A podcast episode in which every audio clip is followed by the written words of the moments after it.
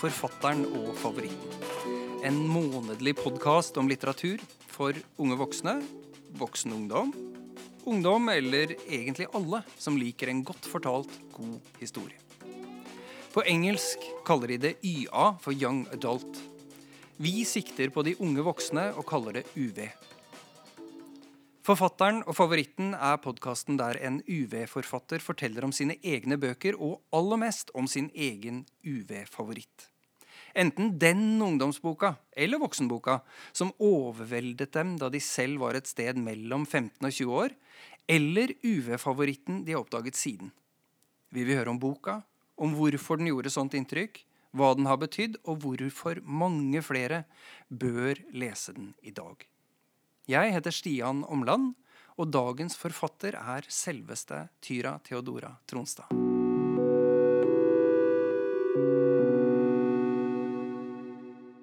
Velkommen. Tusen hjertelig takk. Så gøy at det er du som er her, for i dag er altså det, det vi tror skal bli den aller første episoden av eh, Forfatteren og favoritten. Ja, men også stas å få liksom åpne ballet. Så bra. Det er jo det er kjempegøy. Jeg tenkte at vi kunne begynne med å bli litt bedre kjent med deg. Um, du er opprinnelig fra uh, Østerdalen. Stemmer det? Det stemmer. Jeg er fra Koppang i. Stor-Elvdal kommune. Ja. Ja. Eh, Men jeg flytta til Oslo da jeg var eh, Eller flytta til Tynset og litt sånn, men jeg flytta til Oslo Hva skal jeg si? Jeg flytta så fort jeg kunne, for å si det sånn. Eh, og har bodd i Oslo siden jeg var eh, 20. Var du sånn som reiste til Oslo så ofte du kunne før du faktisk fikk flytta Ja. òg, eller? Ja, jeg, jeg ville ut, jeg. Ja. Eh, det er kanskje først de siste liksom, tiåra at jeg har liksom begynt å eh, komme tilbake med en helt annen sånn lengsel til bygda. For jeg var en sånn som trengte å ut, på en måte.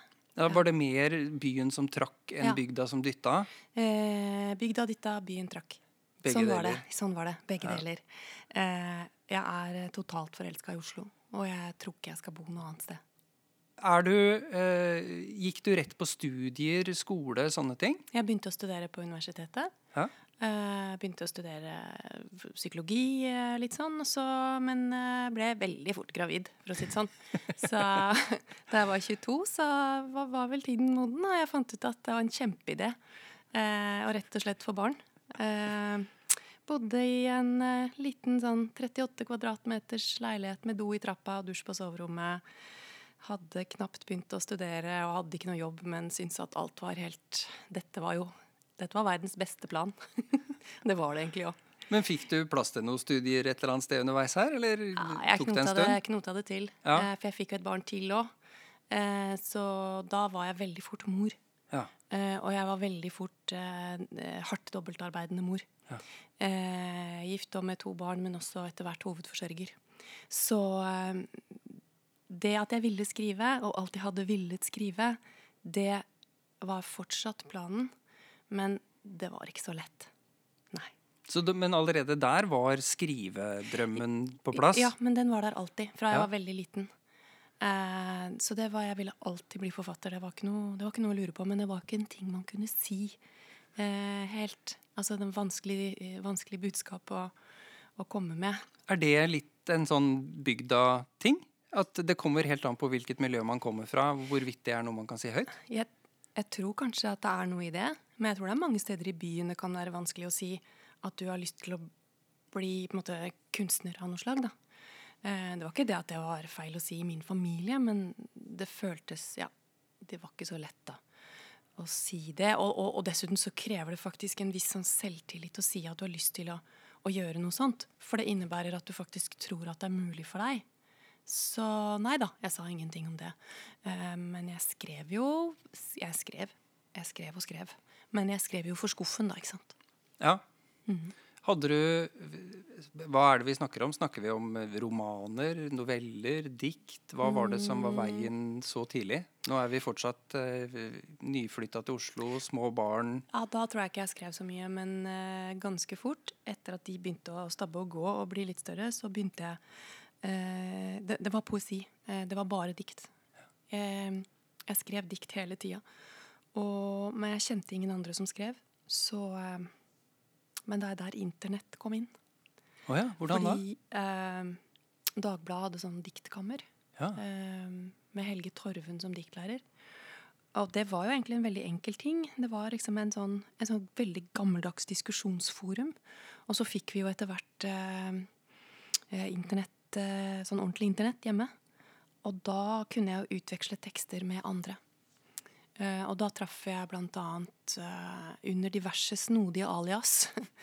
f.eks. for eksempel forfatteren Kjersti Bjørkmo, som også satt og skrev. Og som er en poet. Hun ga jo akkurat ut sin andre diktsamling nå. Eh, og jeg møtte henne, og jeg møtte en del andre, annet Håkon Øverås. Som, eh, som har skrevet den fantastiske barneromanen 'Brune', og han har skrevet eh, fantastiske, nydelige diktsamlinger også. Men dette er mennesker jeg møtte på internett, og ingen av oss var utgitt, og ingen av oss Vi bare var så sultne på å møte noen som skrev. Og da møttes vi der under liksom eh, de litt sånn vennlige, interessante eh, innfallene og tankene til poeten Helge Torvund. Så det var jo en, en, et, et, et stjernetreff. Det må jo ha betydd noe for din, din selvtillit og din tro på at du hadde noe å fare med å møte Ja, og du vet du hva, det var en forfatterskole. Ja. Og etter hvert så møttes vi live, som, og, og vi delte tekster, og vi snakket, og, og så tenkte jeg noen ganger tenkt, og, jeg, og sier det ofte når vi møtes, fordi vi fortsatt møtes, at det vi holdt på med der, det, det står ikke tilbake for noe av det som foregår på Skrivekunstakademiet eller, eller forfatterstudiet, og dette gjorde vi sjøl, liksom. Og det er utrolig interessant å tenke på nå, da. Og Alle- dette ja, er mm. nå et eller annet sted mellom 15 og 20 år siden, kanskje? Dette er eh, starten på 2000-tallet. Ja. Ja. Og det, jeg tror det begynte der for, for en hel sånn liten gjeng, da. ja. Hører du noen gang historier om at det samme utspiller seg for ferske forfattere i dag? Eller finner de helt andre rom? Nei, jeg hører om det. Ja. Eh, Jeg hører at folk finner steder. Nå har ikke jeg oversikt over de stedene lenger. eh, Men nå er jo på en måte internett noe alle bare har og bruker, og jeg ser folk deler tekster. Instagram er jo? Du ser jo instapoesien, eksempel, at mange har glede av det. Og utvikler ting for det formatet. Og det er jo en hel underskog av det. Så det er morsomt å se. Eh, dette var på en måte litt et barn av sin tid, da, med en, en, en helt og, og som Kjersti Bjørkmo har sagt mange ganger, det, at da hun oppdaga diktkammeret, så sa hun dette er det jeg alltid ønsket at internett skulle være. vi føler, oss, vi føler oss så heldige som fant hverandre. Og etter noen år så møttes vi. Eh, og og det, det, jeg hadde ikke blitt forfatter eller jeg hadde ikke kunnet gjøre det hvis jeg ikke hadde blitt lest så godt og fått den støtten av disse for meg da fremmede menneskene på internett.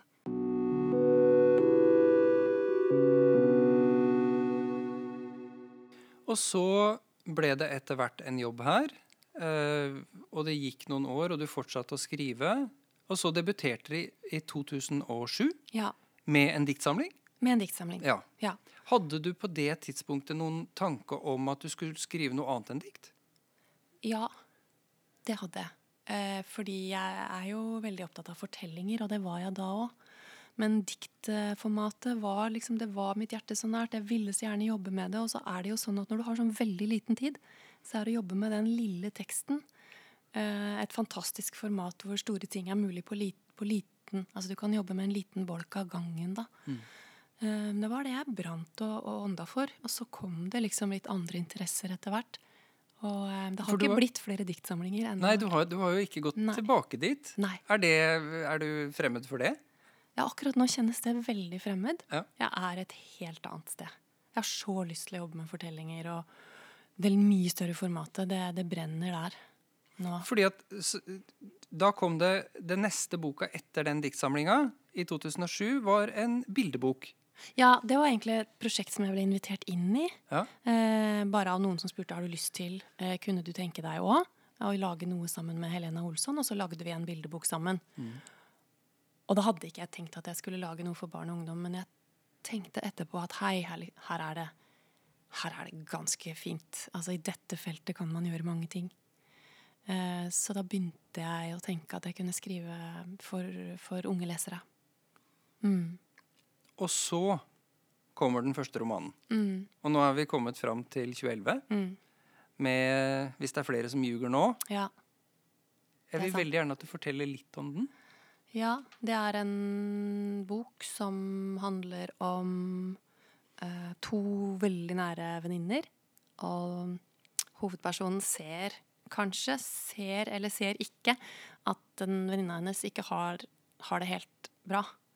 Eh, så det handler vel om å prøve å, å se inn i sine nærmeste og kjæreste venners liv, og prøve å se hva som egentlig skjer der. Eh, det Ja. Jeg ser flere har omtalt boka som en, det som de presenterer som en litt sånn pussig vri, at du greier å få en thriller ut av psykiske lidelser. Ja. At det ligger et element av det der. At, at, at du i noe som man vel egentlig skulle tro var en, en ren slags sosialrealistisk roman, er også en, en thrillerfortelling.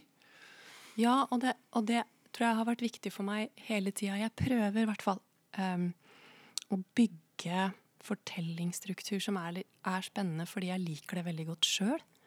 Og så syns jeg liksom at Hva skal jeg si? Det er for én ting du ikke helt har lov til, liksom. Og det er at det skal være kjedelig. Jeg trenger å bli litt dratt inn i fortellinger sjøl, og at noen liksom bygger klosser som jeg kan være på når jeg, når jeg blir fortalt en historie. Eh, og det er det jeg har prøvd der, da. For jeg tenker at det, er jo, livet er jo, er jo spennende. Det skal være spennende. Og jeg vil at det skal være spennende. Når du skriver, er du en planlegger eller en oppdager? Er du en Nei, Skjønner det du hva er, jeg jeg er dessverre ikke en planlegger. Så jeg gjør det uhyggelig vanskelig for meg sjøl. Jeg skjønner jo at jeg må planlegge, eh, og jeg planlegger etter hvert. Eh, Men så går jeg dessverre bort fra planen. Så jeg jobber med å bli bedre på det, altså. Det, det blir kaos hver gang. Kaos hver gang. Betyr det også at du må, du må gjennom den samme historien veldig mange ganger Veldig. før du kommer i mål? Veldig mange ganger. Det er et eh, merkelig tidsbruk som jeg ikke står inne for på noen som helst slags måte, men fram til nå har det skjedd hver gang. Ja. Ligger det i dette også at du overraskes av hva figurene dine finner på? Ja, og så tenker jeg at det er jo litt det spennende med å skrive òg. Jeg har ikke lyst til å, å vite hva som skjer. Og så er det sånn at hvis jeg skriver meg framover, så blir jeg litt sånn trigga av mulighetene. Eh, en fortelling er jo alltid litt sånn hva hvis, ikke sant? Eh, og når du skriver, så er det også hva hvis. Eh, så jeg har i hvert fall tenkt at det blir mer spennende hvis jeg også kan bli litt overraska. Mm. Eh, men så, så, så, så er det ikke sånn på slutten av et arbeid, når en bok skal bli ferdig, da er man jo hard, ikke sant. Da er det ikke, da er slutt på tullet, ikke sant. Da, da må man liksom virkelig være streng og, og kaste bort de innfall og løse tråder og, og bygge skikkelig. Da er det veldig teknisk. Mm. Men fram til da så vil jeg gjerne liksom ha mye frihet, da. Jobber du helt aleine i en eh, forlagsverden, en forlagsvirkelighet, så finnes det jo veldig ofte en redaktør et eller annet sted i bildet. Når er det samarbeidet relevant i, i din prosess? Nei, det er relevant hele tida. Eh, så jeg trenger veldig gode lesinger og, og trenger eh, kritikk og kakao og varme omslag og, eh, og hard kritikk. Det, det høres ut som du har perioder her hvor du er ordentlig usikker på Ja. om det du driver med Ja, det er helt forferdelig. Det er helt forferdelig. Så eh, det er ikke lett. Jeg syns, jeg syns hver eneste bok er ordentlig, ordentlig vanskelig. Og jeg sliter også fryktelig når eh, bok, en bok er ferdig. Er det, det er vanskelig for meg. Du- Og, og her har jeg lyst til å spørre om flere ting. Ja. Eh, kanskje begynne med Hva er det som forteller deg at den er ferdig? Er det redaktøren, eller er det en stemme inni deg, eller hva er det som avgjør det? Nei, det er også redaktøren som sier eh, nå må du ta og skjerpe deg fordi eh, klokka går. Eh, Det er det. Men vi er jo da også på tolvte omskrivning. Så ikke sant, de har jo rett. Eh, Men hva skal jeg si, tidspress og eh, Men også det at jeg er eh, Jeg blir Hva skal jeg si, blir litt knust da, hver gang. Hvorfor vil du deg selv så vondt? Nei, og det er det jeg også spør om, ikke sant? For det, den sluttfasen der, hvorfor skal den være sånn? Eh, men jeg mister helt trua, liksom. Jeg mister det. Altså, det er Familien min uh, veit, liksom. De Ja, de merker det på deg. Ja. Det er, uh... Altså, det her er, det her er faktisk litt vanskelig.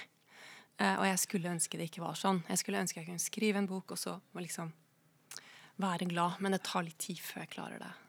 er dette noe du snakker med om andre forfattere? Er det noen som kjenner seg igjen i disse beskrivelsene? Er det Ja, eh, eh, de mest hardhuda, og det er jo sikkert noen som sier at det ikke er sånn òg, og noen er litt mer hardhuda enn andre, men nå bor jeg i et, et sånn kunstnerborettslag. Ja. Og der bor det ganske mange andre kunstnere, og noen av de er også mine gode venner. Og uh, der er dette bare så kjent, altså. Så kjent. Som jeg ikke alltid har snakka med andre forfattere om det, så Jo da, folk Jo, jo, vet du hva. Det gjør litt vondt, fordi alle tog har gått. Du kan ikke gjøre flere endringer. Du må stå for det. Folk skal lese det.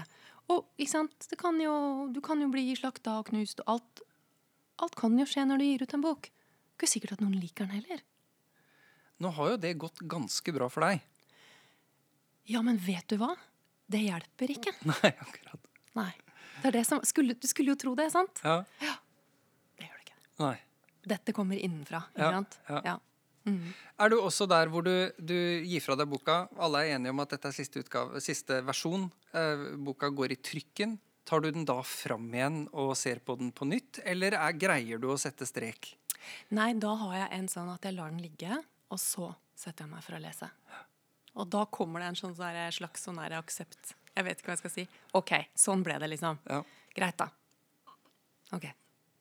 Da er vi der, og så leser jeg boka, og så Ja. ja det er en merkelig runddans. Det høres veldig selvbevisst ut og litt sånn koketterende, men det er det virkelig ikke, altså. Det mm, Kanskje rett og slett bare koster litt, da. ja. Mm. Ikke sant? Jeg tenkte vi skulle se litt mer på, på Nå har vi jo kommet fram til, da, til 2011. Eh, og da tok det ikke så veldig lang tid før neste boka kom. Nei. Som også var en roman. Der vi kom til 'Hundetanker' året etter. Det gikk veldig fort Det gikk veldig fort. Gikk det, Var det lettere? Eh, Ja, det må det jo ha vært. Jeg skjønner ikke hva som stakk meg som gjorde at det gikk så fort. Nei. For det har ikke gått så fort senere.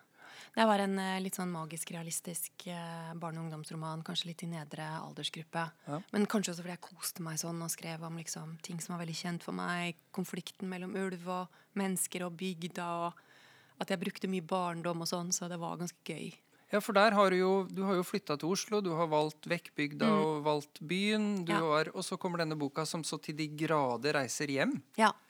Den eh, reiser hjem og er et lite sted og, og er på en måte veldig Ja, den er litt sånn barndomsdrevet for meg, da, med, med Jeg hadde en, jeg hadde en, eh, en far som var sånn leder av Naturvernforbundet i Hedmark, og en, en nabo som drev med sau, ikke sant. Så den konflikten var så levende for meg.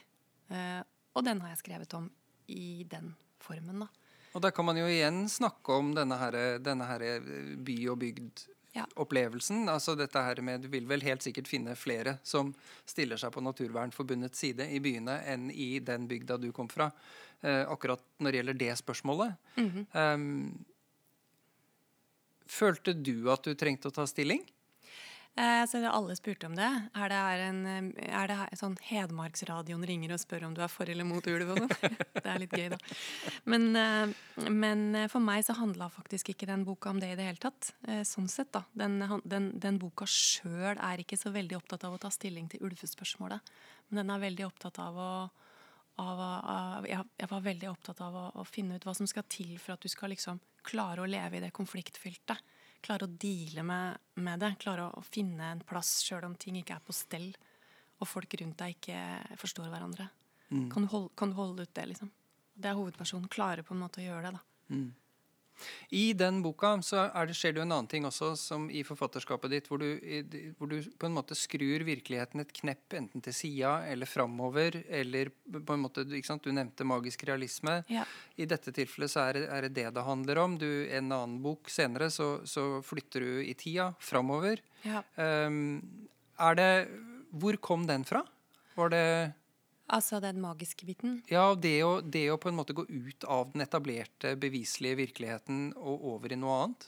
Det var litt sterkt ønske jeg hadde. Og så følte jeg at jeg klarte det bare litt da, i den boka. Det som skjer der, er mer at det er en jente som, som, som ved hjelp av en sånn litt sånn magisk lue og noe greier, eh, finner ut at hun kan høre inni hodet sitt hva hunder tenker. Så det er jo en magisk element. Mm. Men det forholdet mellom dyr og mennesker der, da, det, eh, det ville jeg på en måte utvikle litt. Men jeg fikk ikke gjort det skikkelig før i den boka som kom i fjor, da, som heter 'Flaggermusmusikk'. Ja. Hvor jeg liksom klarte å Eller følte sjøl at jeg fikk liksom vært så mye magisk som jeg egentlig ville, da. For det ville jeg virkelig. Denne podkasten så, så tillater vi oss å være blodfans. Um, oh ja, ja, og, og rett og slett å bare digge. Fordi at den der begeistringa som man føler når man virkelig blir overveldet av en god leseopplevelse, uh, er verdifull. Og det er noe jeg tror de fleste som har hatt den, har, har følt kjent på en trang til å formidle på et eller annet vis, og veldig gjerne vil fortelle andre om hvor strålende det var. Og da jeg leste Flaggermusmusikk, så, så ble jeg helt satt ut. Jeg syns det var så strålende. Så, oh, så så jeg skal ikke Tusen gjøre takk. dette til en sånn, eh, sånn session hvor vi bruker mye tid på det, men jeg ville si det. Jeg syns det var så fint. Og, ja, nå ble jeg ordentlig og jeg digger den derre der, der, at du, ja, det derre kneppet. Altså at du, du holder oss veldig godt forankra i vår verden, i vår virkelighet, med våre konsekvenser. Men så er det det der lille ekstra elementet som kommer utenfra den beviselige virkeligheten, som de må ta konsekvensene av i vår virkelighet, men den er noe annet likevel. Og den balansegangen der syns jeg du turnerer helt fenomenalt. Ja, Det er deilig å høre, for jeg visste jo ikke Går jeg for langt nå? ikke sant? Er det her, Går det an å få med seg lesere inn i dette, liksom? Eh, For det er jo en fortelling som strengt tatt ikke helt kan forstås eh, så veldig realistisk. Nei, og det Nei. Men gjør det den? Nei, nei, det er mange fortellinger som ikke har det, men det, er liksom, det skal jo stemme inni der. ikke Ja. sant? Inni sitt eget univers så må det være riktig på en måte. Ja. Eh, så det fins alltid en sånn sirkel eller sånn gjerde rundt sånne fortellinger som egentlig definerer hvor du kan gå inni der. Og det var den jeg var veldig usikker på, på en måte, om det her kan gå. Mm. Eh, så jeg er forferdelig glad for alt som har skjedd med den boka, og, og, og um, alle tilbakemeldingene og, og, lesningene. Og ja, det er Det har vært en fest for meg. Nå gjorde vi et, eh, et sprang her. Ja. Eh, Jeg tenkte vi skulle svinge innom de to bøkene som kommer imellom her også. fordi det er jo en, en, en litt pussig og morsom og fin sak som kommer i 2013. Det blir pinlig uansett. Ja, den er jeg litt glad i. Den er skrevet sammen med Bjørn Sortland. Og vi er jo gode venner i dag, men da vi skrev den boka, så kjente vi ikke hverandre. Så vi hadde ikke Jeg visste vi, ikke sant? Vi tok den uten å ha noen relasjon. Og historien her er to stemmer. Ja, det er en gutt og en jente som sender e-poster til hverandre. Og den er laget på, altså sånn, den er laget på 13 dager. Eh, så vi bare begynte. Han spurte meg, jeg sa ja. Han sender en e-post, og så skriver vi den boka. Og så snakker vi sammen etterpå. Så det var på en måte en slags sånn, sånn vill skriveøvelse. Som ble det den ble, på en måte. da. Har vi mange e-postromaner i norsk litteratur? Norsk litteratur eh, ja, det, er jo, det er jo på en måte en sjanger i Ja. verden. Eh, så, og det er jo liksom rart å si e-post. Nå er det jo Det er jo ingen som skriver e-post. altså, den er jo herlig datert òg, sånn sett. Det ville vært Messenger i dag eller meldinger på WhatsApp. Men det er ikke så farlig, egentlig. Nei. For det er liksom dynamikken og kjærligheten mellom de to da, som avslører seg litt for litt. da. Um, så, og så var det kanskje mulig å gjøre fordi Bjørn og jeg ikke kjente hverandre. Så vi hadde ingen referanser inn i hverandres liv eller noen ting. Så vi bare lot liksom skriveenergien bare Ja. Og det var eh, Det var gøy at han spurte, og det var kult at han For det var han som spurte om jeg ville det. Så det er jeg glad for. Og det, det må jo ha vært en, en, en eh, ja, nærmest en, en fornøyelse med når vi snakker om den prosessen som du har beskrevet tidligere, og de mange rundene og alt det der, Ja. og faktisk kunne sitte oppi noe som, som raser av gårde i et sånt Mm. tempo. 13 dager på en bok. Ja, det er fint å tenke på eh, senere når du sitter på liksom 14. omskrivning. At det går an. Det er Kommer rart. den eh, store WhatsApp-romanen? Ja, jeg tror den må jo komme. Ja. Ja.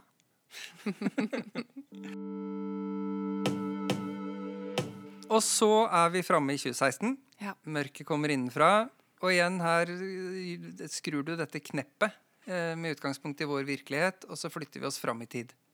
ja, eller vi flytter oss i hvert fall til en fiktiv tid, da. Ja. Det er ikke helt klart når dette er, kanskje. Nei, Eller hvor. Eller hva. Ja. hva skjer?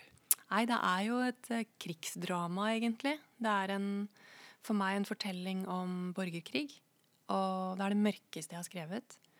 Eh, det handler om to personer som må overleve i en krigssone, og som må på en måte komme De må klare å finne ut hva som er rett og galt for seg, for seg selv, fordi de rundt dem har mista den evnen, på en måte. De, uh, borgerkrig er jo veldig rart når det er uh, Det kan være familie mot familie. Når konflikten er så nær, så er det vanskelig å analysere. Og så må de på en måte klare å overleve, for det første. Men også klare å finne ut hvordan de skal være et menneske. Og det er det mørkeste jeg har skrevet. Og jeg satt og skrev den, så tenkte jeg bare å, sorry, unnskyld, unnskyld. Det her er ikke lov å gjøre. ikke sant? Det her går ikke an i uh, Det her er så mørkt. Men så måtte bare gjøre det, da. Jeg syns fortsatt det er veldig mørkt, altså. Ja.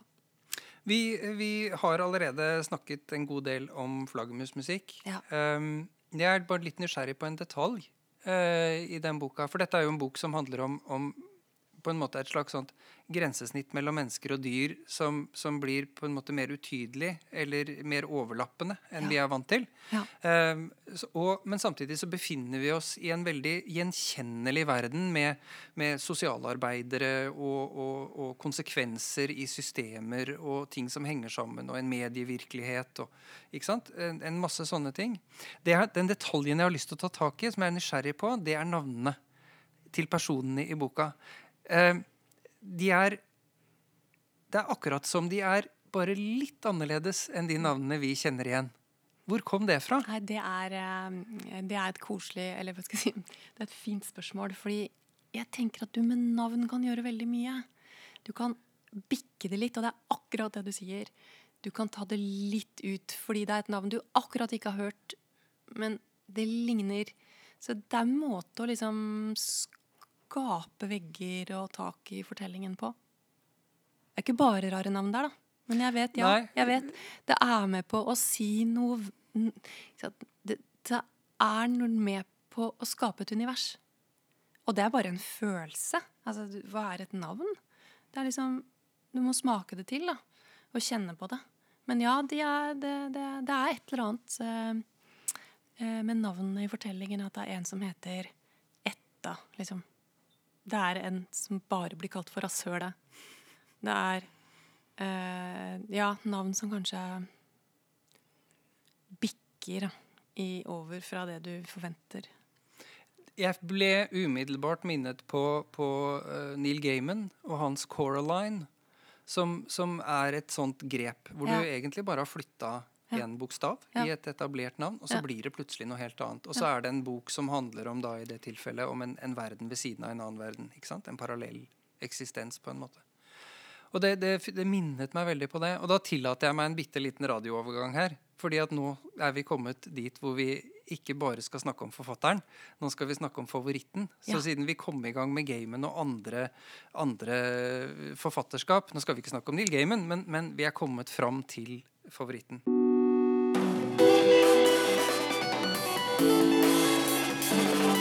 Og, og, det vi veldig gjerne vil her, er jo at vi skal snakke om ting som virkelig har tatt tak i deg, eh, revet deg med seg, vekket deg kanskje. Dette vil vi jo finne ut etter hvert. Eh, men i hvert fall de bøkene i denne her gruppa som vi kaller UV, eh, som, som har vært viktige for deg. Og eh, vi har bedt deg, vi har utfordret deg. Vi skal snakke mest om én bok, det som er din favoritt. Men vi har tillatt oss å utfordre deg til å, å, komme med tre. Sånn at vi har en full pall.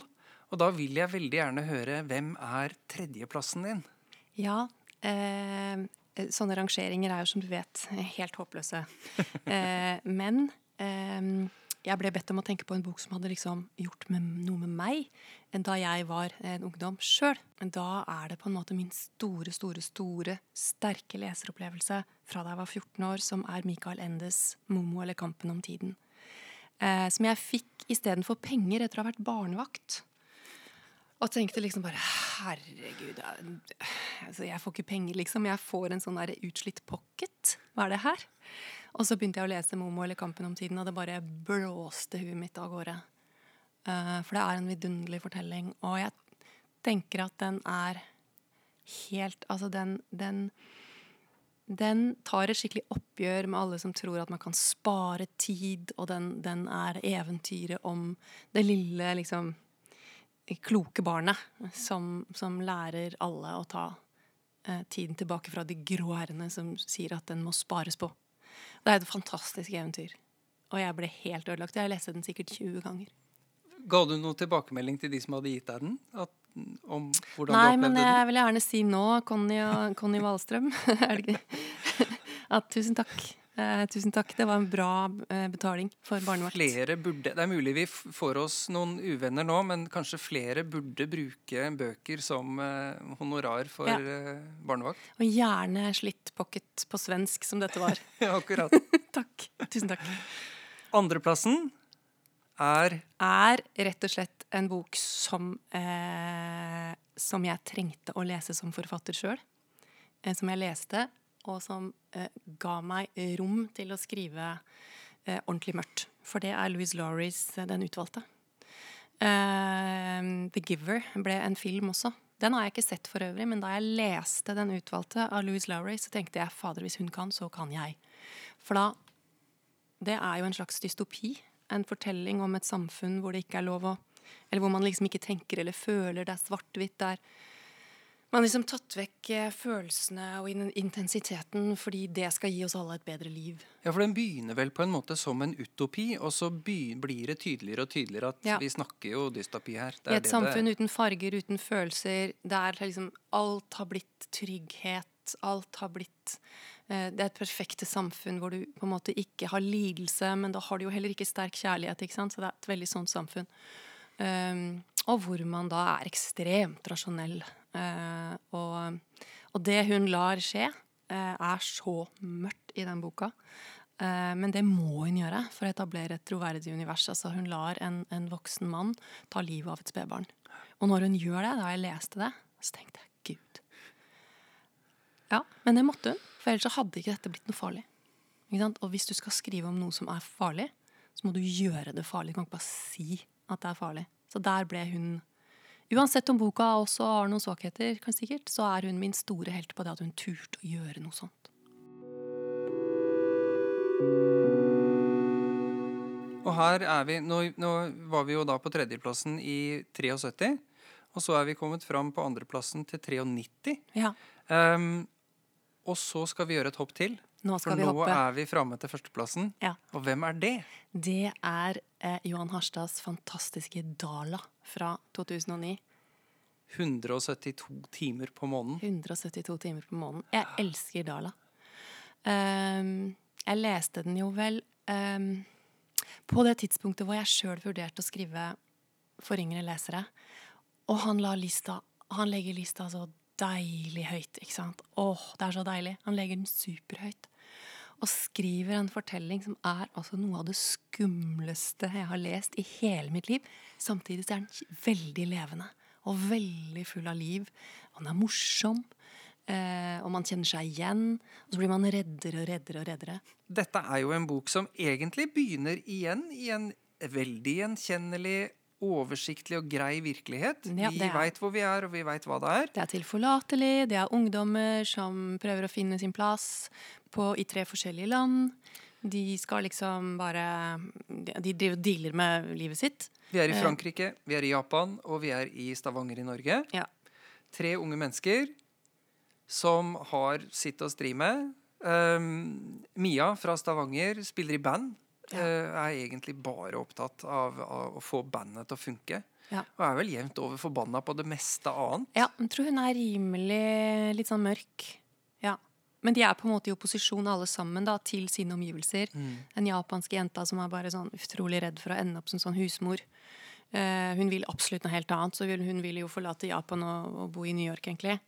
Eh, og den eh, franske gutten har vel tidenes eh, kjærlighetssorg, Ja, tror jeg. jeg tror kanskje man Kanskje til og med må kunne si at han går over grensa et par ganger Ja. i, i hvordan han ikke greier å slippe tak i, Ja. i jenta han mista. Ja. Det må man vel trygt kunne si. Ja, og da er det jo sånn at eh, når man får sjansen til å delta på en eh, ekspedisjon til månen, så, så, så er det jo fint at det blir de tre, syns jeg, da. Ja, Men hvordan i all verden? Hva er det NASA hvordan er det, vi, er, vi er i USA, vi er hos NASA. De bestemmer seg for at dette er en god idé. Ja, dette er en kjempeidé, og de lager et lotteri. Ja. Ja. Eh, og så vinner disse her, og så skal de reise på ekspedisjon. Hvorfor i all verden vil de tilbake til månen nå? Er det ikke, Ja, det er veldig Det er jo rart. Ja. Eh, fordi er det noen som vil dit? Eh, vi har jo allerede vært der. Hvorfor skal vi dette? Nei, det er god PR. Vi vet ikke helt. Eh, men det er en ekspedisjon i hvert fall. Og av sted drar dem. Ja. Ja. ja. Og det går kjempefint, eller? Det går bra til et punkt, men de får problemer på månen. Fordi det viser seg jo Og dette her har vi fått noen ordentlig, ordentlig flotte hint om. Eh, noen litt sånne hint som vi ikke forstår, som er litt sånn overnaturlig. Eller er det ikke det? Det er i hvert fall noe alle opplever som er litt rart på veien. Eh, og det er jo noe som ikke stemmer. Men vi vet ikke hva som stemmer, men vi vet at det kanskje er noe der. Og det som er der, er eh, noe som gjør folk livredde. Og så blir vi mer og mer livredde. Ikke sant? Vi blir så redde at eh, vi Det er så godt gjort uh, å skrive fram noe som gjør oss så redde. Det er jo flott. Um, jeg har for øvrig en, en, en, en datter som, som er 25 nå, da, men da Dala kom, så var hun jo Så gammel er hun, da? Det var i 2000 og Ja. Hun dro til Polen, i hvert fall på utveksling. Og var et år i Polen da hun var 17 år gammel. Og på et punkt, tidspunkt så ringer hun meg og bare sier 'mamma', jeg vet ikke om jeg klarer å være her et år, jeg, hvis ikke du sender meg Dala. så da måtte jeg gå og finne Dala og sende Dala til Polen, fordi ellers så tror jeg den utvekslingen ikke helt hadde Oi. mm, Det hadde ikke gått. Har du fortalt Johan Harstad det noen gang? Nei, jeg har aldri fått sagt dette til Johan Harstad. Nei. Men jeg må jo gjøre det. Tror jeg det. Snakk om å Ja. Mm. Ja, den er fin. Det går gærent på Mon. Det Mm. må vi trygt kunne avsløre. Um, og det er jo også ikke til å komme fra at det er krefter i sving her som vi helt åpenbart ikke forstår innledningsvis, og som trer langsomt tydeligere og tydeligere fram. Han er jo strålende, men, men jeg, jeg tenkte, har faktisk tenkt Jeg har, jeg har jo lest den om igjen litt, og, og særlig har jeg lest den om igjen litt nå fordi vi skulle snakke om den her. Så har ikke lest hele om igjen, eh, for det trengte jeg ikke. Men, eh, men det som slår meg når jeg leser den nå, er at jeg kjenner igjen Harstad som et barn av sin tid også. At jeg kjenner han igjen som et barn faktisk av 80-tallet, sånn som meg. Og at, eh, at det er noe ved den beskrivelsen av ungdommer og voksne f.eks., og musikkidentitet og klær og sånn, som, som er forankra i 2000-tallet når den boka er skrevet. Men, den, men, kjenner, men det føles litt sånn som at forfatterens hva skal jeg si, en ideen om ungdom og forholdet til foreldre og sånn, er noe jeg kjenner igjen fra mitt eget liv, og som kanskje er litt annerledes nå. Og som på en, måte, på en interessant måte plasserer forfatteren litt i tida også. Eh, fordi akkurat der er det også noe som har forandra seg. Så- Hvordan mener du da? Nja Jeg kjenner igjen veldig den. Altså Ikke at ikke tenåringer nå er i veldig opposisjon til sine foreldre og sine omgivelser, men vi var det faktisk mer. Ikke sant? 80-tallet. Eh, og da Jeg kjenner igjen det så godt når han skriver at han har det litt med seg. Ja, det, det, mener jeg. Det kan hende at mange er uenige, og kanskje han ikke er enig sjøl, men jeg følte det veldig. Jeg har lyst til å ta tak i en bitte liten bit av det der. Det er det der med musikken. Jeg bare nysgjerrig- dette er mer en sånn generell betraktning, og jeg er litt nysgjerrig på det. Som en, en stor uh, leser av, av uh, veldig mye ungdomslitteratur, så er en av de tingene som jeg har tror jeg har rett og slett lagt merke til, og som jeg, jeg tror i hvert fall at det er sant, at det er en, en tendens blant ungdomsbokforfattere til å, å gi hovedpersonene forfatterens egen musikksmak. At det er en sånn veldig veldig hyppig frekvens av eh, litt eh, veslevoksne, eller til og med kanskje litt gammelmodige unge mennesker, som, som har et slags sånt litt hipsteraktig tilbakeskuende blikk når det gjelder eh, musikk, og som da lander s- i forfatterens egen musikksmak. Tenker du nå på Bjørn Sortlands Et- et, forhold til Kent? Det, vi, kan godt, vi kan godt bruke det eksempelet, men kan, dette kunne jeg nok egentlig ramsa opp veldig, veldig, veldig mange. Ja. Um, jeg har bakgrunn som oversetter, Ja. og har oversatt mye young adult-litteratur. Og, og eh, det dukker opp om igjen og om igjen og om igjen. og om igjen. Um, John Green, Becky Albert Halley, David Arnold osv. Mm, mm. Alle har dette. Ja, Det er interessant, men jeg tror jo ja, Det er et herlig spørsmål. Eh, hadde vi klart å finne ut av det, så hadde vi vært gode. Men jeg tror på en måte at det, eh, veldig mange, i hvert fall min generasjon Og dette er jo dette er åpent for undersøkelse, men på 80-tallet, da jeg var en ung person, så definerte musikk hvem du var. Det definerte om du var kul eller ikke kul. Eh, du, du, du, utdefinerte hardt det som du ikke kunne vedstå deg fordi det ikke skinte tilbake. på. Så skjønner du, Det var en, en måte å se på musikk på som, som var i, veldig sterkt identitetsbærende. Mm. Og ting var veldig ute eller veldig inne og, og, og sånn. Og jeg opplever eh, at det ikke er like mye i dag. For i dag er det ikke alltid sånn at andre vet hva du hører på. For du sitter med, med ditt. Du sitter med det på øret.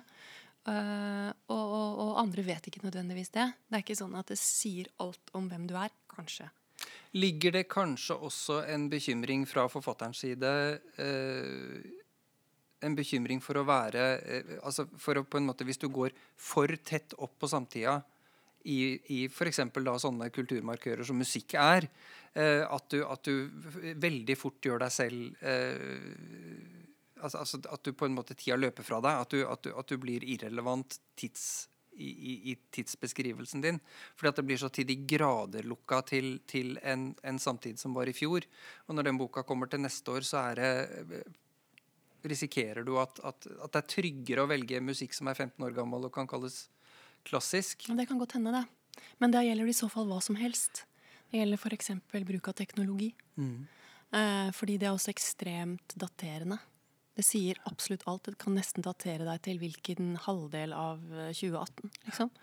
Uh, men jeg tror at det med musikk kanskje handler mye mer om at det du uh, har hørt mye på og kanskje elsker litt, det kan du bruke mye bedre. Ja. Og det har du forstand på. det kjenner du. og derfor virker det for deg. Jeg, jeg, tror nok egentlig det, da. Ja. Mm, ja.